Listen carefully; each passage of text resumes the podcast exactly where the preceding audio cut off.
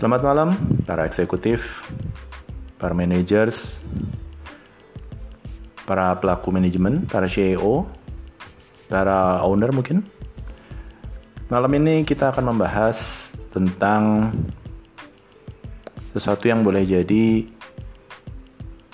akan teman-teman, sahabat-sahabat alami pada saat mengelola sebuah bisnis dalam skala besar boleh jadi mengelola sebuah perusahaan.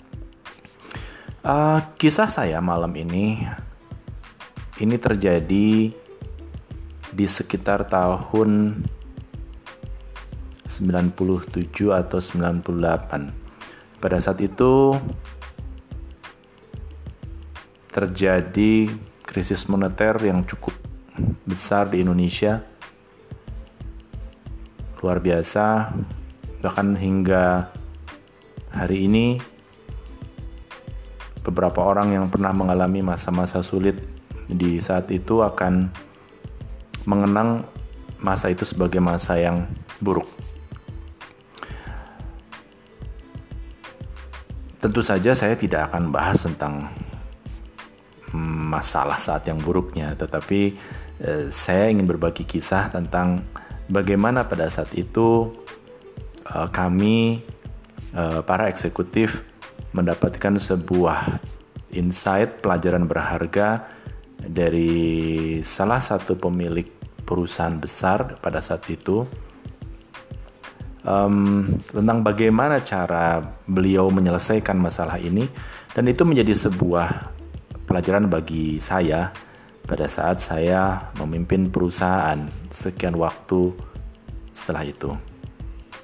Baik, teman-teman sahabat-sahabat, para eksekutif yang malam ini masih mendengarkan berbagi kisah CEO di waktu luang. Um, bagi teman-teman yang mengalami situasi ekonomi di tahun 97-98 pada saat itu pasti masih ingat bagaimana bisnis menjadi sangat hancur, buruk.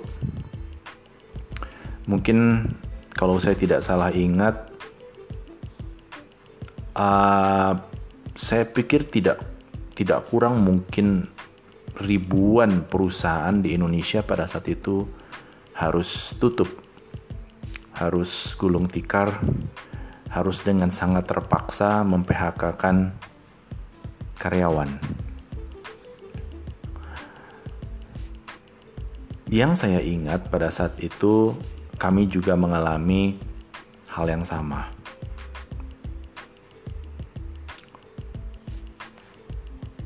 Bagi sebuah grup yang sangat besar, perusahaan kami adalah salah satu perusahaan termuda yang ada pada saat itu. Grup kami adalah sebuah multi industry, uh, tidak kurang rasanya dari 10 jenis industri yang berbeda. Saya uh, tidak bisa menceritakan jenis bisnisnya apa yang kami alami pada saat itu karena hal ini menyangkut uh, etika begitu ya karena ini sebuah permasalahan yang juga tidak um, bukan tidak baik ya teman-teman uh, mungkin kurang kurang pas lah kalau kita sebutkan katakanlah perusahaannya apa begitu. Mari kita sebut perusahaan ini X saja begitu. Jadi grup itu pada saat itu jumlahnya tidak kurang dari sekitar 20 perusahaan seingat saya. Cukup besar bagi sebuah industri yang dibangun uh, usianya kira-kira grup holding itu hmm, rasanya tidak kurang dari 30 tahun usia uh, holding utamanya. Sementara industri kami pada saat itu baru berusia sekitar tiga tahun lebih kurang. Baru berusia tiga tahun, sebagai sebuah industri yang punya uh, potensi bisnis yang bagus pada saat itu tiba-tiba diterpa dengan siklus yang luar biasa. Uh, omset yang katakanlah rata-rata pada saat itu bisa dikategorikan bergrade A begitu ya. Uh, artinya begini maksudnya grade A itu. Anggaplah kalau kita mengkategorikan ada bisnis dengan kategori A, B atau C. A adalah yang paling besar, sementara C adalah yang paling kecil. Saya harus mengatakan bahwa potensi omset kami sangat bagus pada saat itu, termasuk salah satu perusahaan dengan uh, perputaran cash flow yang sangat baik. Uh, karena segmentasi produknya, kemudian uh, price policy yang diterapkan di perusahaan untuk produk yang dijual juga sangat baik. Namun itu tidak menjadi sebuah uh, situasi yang dapat menjamin bahwa bisnis ini akan berjalan uh, established. Buktinya pada saat itu karena segmentasi kami adalah perusahaan-perusahaan ya. Artinya kami kebanyakan melakukan proses uh, B2B. Uh, mereka juga adalah klien-klien perusahaan karena segmentasi kami adalah juga pelaku bisnis. Uh, secara teknis kami tidak kehilangan dari seluruh segmen kami karena bagi perusahaan-perusahaan yang memiliki uh, pendapatan berbasis dolar pada saat itu uh, maka mereka akan cukup uh, bisa bertahan. Tetapi perusahaan-perusahaan dengan basis pendapatan uh, hanya mengandalkan skala rupiah itu akan sangat bermasalah pada saat itu. Um, kebetulan grup kami beberapa di antaranya bertransaksi dalam skala dolar sehingga uh, boleh jadi dalam skala internal uh, holding induk perusahaan yang besar bisa mengatur uh, cash flow yang diperlukan untuk anak-anak uh, perusahaan uh, atau uh, subsidiary atau uh, bisnis bisnis unit yang dibangun di bawahnya untuk tetap bisa bertahan. Um, yang ingin saya ceritakan adalah bagaimana peran pemimpin pada saat itu menjadi sangat sangat sangat penting terhadap keberhasilan ke, terhadap uh, kebertahanan sebuah organisasi untuk bisa establish bahkan boleh jadi uh, itu tidak terjadi di semua uh, perusahaan pada saat itu gitu. Artinya begini saya ingin ingin mencermati bahwa seorang pemimpin menjadi sangat luar biasa, eh, bahkan boleh jadi menjadi sebuah peran yang sangat penting dibandingkan bisnis itu sendiri. Dan itu kami sendiri yang merasakan pada saat itu. Eh, teman-teman, sahabat-sahabat, para eksekutif yang masih setia mendengarkan podcast ini, pada saat itu saya hanya ingat bahwa karyawan di perusahaan kami jumlahnya kira-kira sekitar 160 orang. Eh, bukan sebuah jumlah yang besar dibandingkan grup kami yang boleh jadi memiliki karyawan hingga ribuan orang. Karena kami sebagai anak perusahaan yang paling kecil, paling baru dengan jumlah karyawan juga pada saat itu yang paling sedikit eh, menghadapi gejolak krisis moneter 1998 itu bukan sebuah hal yang uh, kecil ya karena karena jelas kami yang saya sampaikan tadi uh, perusahaan kami baru kami bangun itu tiga tahun sebelumnya begitu. Uh, sementara grup induk kami sudah berusia di atas 30 tahun pada saat itu. Nah kebetulan pemilik perusahaan kami adalah seseorang yang uh, memang memiliki jaringan bisnis tidak hanya di dalam negeri tapi juga di luar negeri. Beliau banyak uh, melakukan uh, transaksi bisnis uh, baik di dalam maupun di luar negeri. Nah, pada saat itu, pada saat itu situasi yang sangat genting membuat um, omset perusahaan turun kira-kira sekitar 40%. Jadi kalaulah saya sebut grade A adalah perusahaan dengan omset Eh, maksimum 100% begitu ya selalu tercapai target-targetnya rata-rata kami hanya bisa mencapai saat itu sekitar 60% dan itu jelas sangat berpengaruh terhadap keadaan uh, cash flow organisasi. Nanti kapan-kapan saya akan bercerita mengapa menjadi sangat penting membahas tentang cash flow. Uh, tapi nanti kita cerita itu. Sekarang kita akan bercerita tentang bagaimana peran seorang pemimpin mengendalikan organisasinya sedemikian rupa sehingga bahkan organisasi tersebut uh, bisa bertahan di fase-fase yang akan datang. Baik, kita kembali ke cerita yang tadi. Jumlah 160 orang karyawan pada saat itu melakukan demonstrasi Eh, kami terkadang memiliki forum-forum khusus untuk mengumpulkan karyawan dan seperti layaknya organisasi tentu saja ada serikat pekerja. Jadi kita biasa menyebutnya uh, bagi teman-teman eksekutif mungkin terbiasa dengan istilah uh, bipartite atau tripartite. Nah pada saat itu sehubungan dengan permasalahan di organisasi yang sangat uh, complicated menjadi sangat-sangat rumit. Um, mereka melakukan demonstrasi menuntut kepada kami agar uh, mereka mendapatkan kepastian dan jaminan hukum atas uh, pendapatan mereka setiap bulan. Sementara situasi ekonomi menjadi sangat-sangat buruk karena ribuan perusahaan sedang mengalami gejolak yang sama. Beberapa bahkan di antaranya sudah tutup, harus melakukan PHK besar-besaran, bahkan ada yang memang benar-benar ditutup secara total karena tidak sanggup membayar gaji karyawan. Uh, di, di tengah kebingungan kami, mereka melakukan demonstrasi. Kami tidak bisa uh, memberikan jawaban kepada um,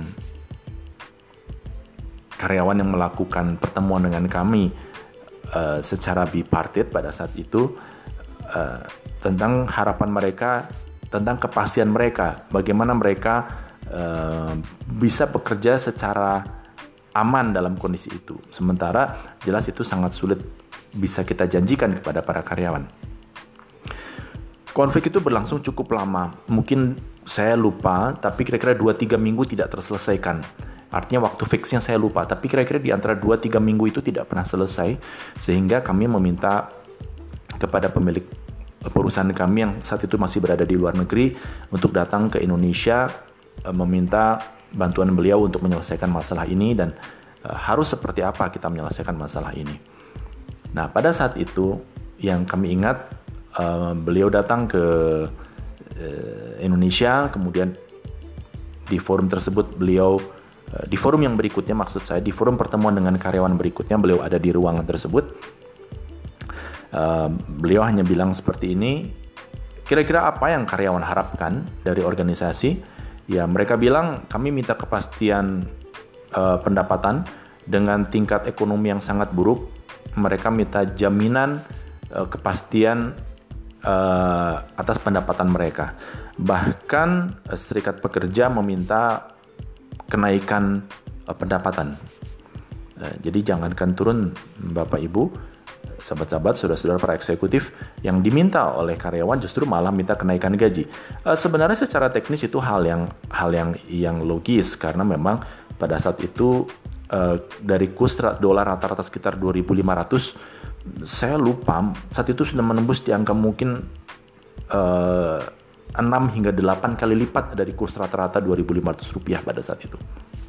Dan tentu saja tidak mungkin um, kita menaikkan gaji sesuai harapan mereka karena uh, meskipun kami paham bahwa itu ada hubungannya dengan kebutuhan mereka uh, uh, memenuhi kebutuhan mereka se sehari-hari setiap bulan karena dengan meningkatnya uh, kurs dolar sekian kali lipat lebih besar secara teknis uh, kurs rupiah menjadi sangat tertekan terdepresiasi sangat luar biasa sehingga harga-harga cenderung menjadi terasa sangat mahal begitu. Apalagi barang-barang yang berhubungan dengan kurs dolar. Seperti yang saya bilang, bagi industri yang saat itu bermain dengan dolar, tentu saja akan sangat menguntungkan karena dolar memiliki nilai yang sangat luar biasa. Sementara industri yang hanya bermain dengan skala rupiah akan menjadi sangat kesulitan karena mereka tidak bisa berbuat apa-apa karena kurs rupiahnya menjadi sangat-sangat rendah. Baik, uh, saat itu karyawan menuntut kenaikan gaji dan kami menyatakan para eksekutif eh, tidak bisa memenuhi harapan karyawan. Kemudian karyawan meminta agar mereka ingin berbicara dengan pemilik perusahaan. Uh, karena pada saat itu kami sudah mengundang beliau untuk datang ke Indonesia, maka beliau pun berkenan untuk menghadiri uh, sesi bersama karyawan yang melakukan demonstrasi. Uh, saya hanya ingat pemilik perusahaan bertanya seperti ini. Masalahnya apa? Mengapa para eksekutif tidak bisa menyelesaikan masalah? Begitu. Uh, lalu karyawan mengatakan bahwa ya para eksekutif tidak bisa menyelesaikan masalah sehingga kami meminta kepada pemilik perusahaan agar menyelesaikan masalah. Oke, baik masalahnya apa? Uh, kata pemilik perusahaan pada saat itu. Kemudian permasalahannya adalah kami menuntut kepastian atas uh, pendapatan kami setiap bulan. Kepastian pendapatan itu maksudnya apa?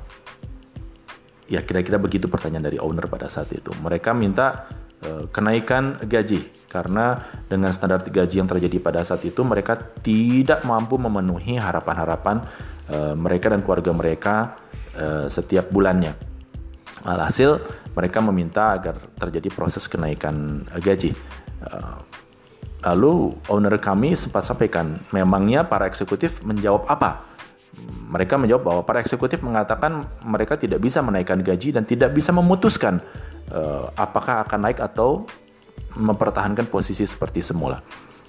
Nah, walhasil pada saat itu uh, owner mengatakan bahwa sebenarnya ini masalah yang sangat simpel, sebenarnya ini masalah yang sangat sederhana, sebenarnya ini masalah yang seharusnya sudah bisa langsung diputuskan oleh para eksekutif pada saat itu juga, tanpa perlu menunggu uh, uh, pimpinan tertinggi dalam kasus ini adalah pemilik perusahaan untuk menyelesaikan masalah di perusahaan. Nah, yang terjadi adalah uh, sangat sederhana strategi yang kami pelajari dari beliau menyelesaikan masalah ini. Uh, beliau hanya mengatakan, baik, um, ini masalah yang sangat sederhana. Uh, baik, kalian mau mendapatkan uh, kenaikan gaji, begitu. Oh iya iya, tentu kami mau uh, mendapat kenaikan gaji. Oke, okay.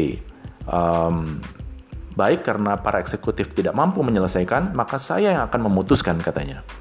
Baik, uh, saya akan penuhi keinginan kalian.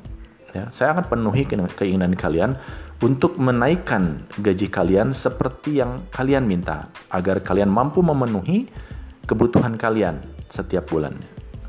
Dan yang saya ingat pada saat itu seluruh karyawan bersorak-sorai luar biasa, begitu gembiranya mereka dengan keputusan uh, pemilik perusahaan.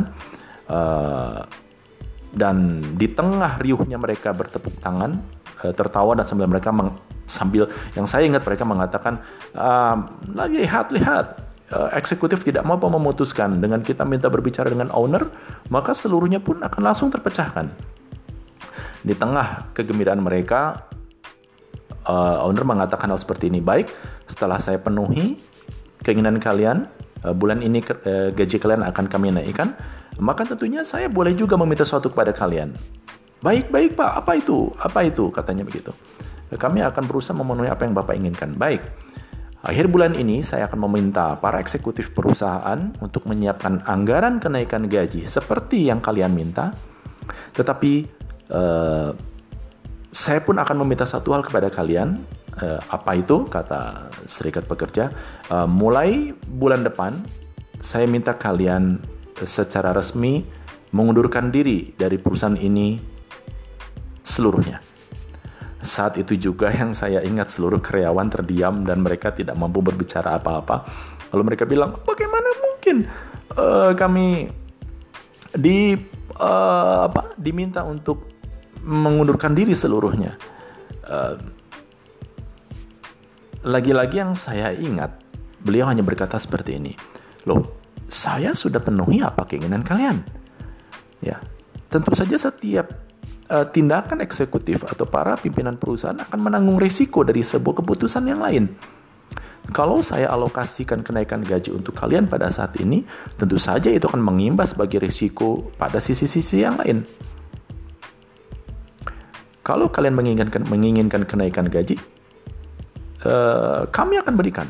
Saya akan berikan, kata pemilik perusahaan. Namun, kemungkinan besar adalah seluruh arus kas yang tersedia pada saat itu yang menurun hingga menembus angka 60% karena telah hilang 40% dari rata-rata yang kami terima setiap bulan, maka konsekuensi logisnya adalah perusahaan harus ditutup. Demikian keputusan owner. Saat itu ruangan menjadi sangat hening. Para sahabat eksekutif menjadi sangat hening sesaat. Kemudian salah satu perwakilan dari karyawan mengatakan, boleh kami berbicara dengan serikat pekerja?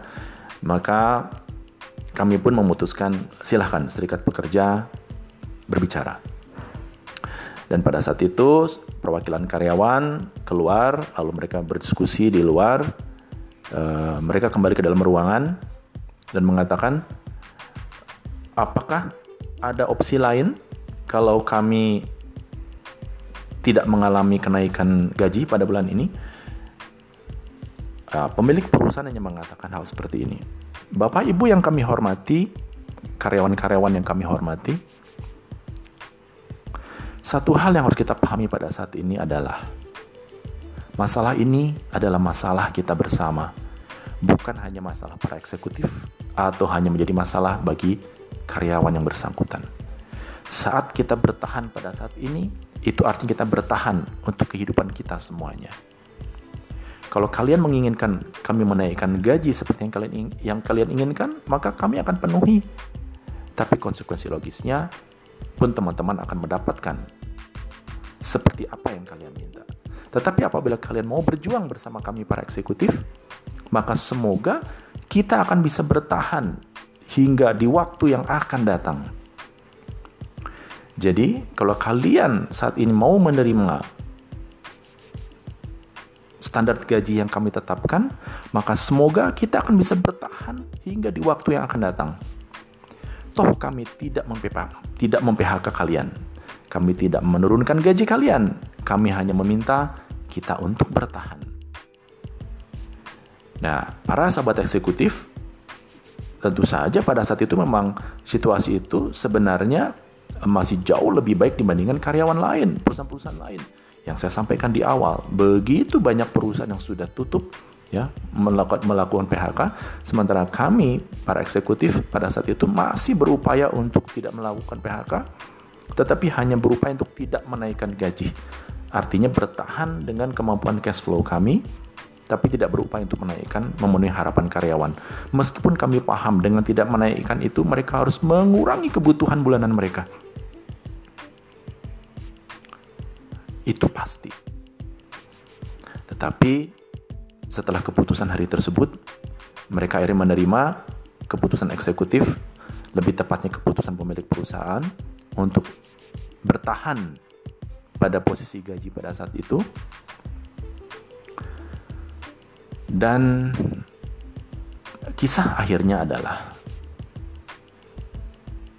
teman-teman sahabat eksekutif hari ini tahun 2020 perusahaan itu ya, telah mampu meningkatkan gajinya pada saat itu di saat ini. Berarti kalau kita hitung lebih kurang eh, uh, 20 tahun lebih ya, Bapak Ibu. Lebih kurang 20 tahun lebih lah. Sejauh yang saya paham, yang saya ketahui, saat ini gaji setiap karyawan di perusahaan bersangkutan sudah meningkat tidak kurang dari mungkin 10 atau 15 hingga 20 kali lipat pada saat waktu itu. Dan perusahaan ini masih berdiri hingga saat ini. Baik holding maupun anak perusahaan yang paling muda ini. Uh, tentu saja ini menjadi sebuah inspirasi, sebuah insight yang luar biasa bagi saya.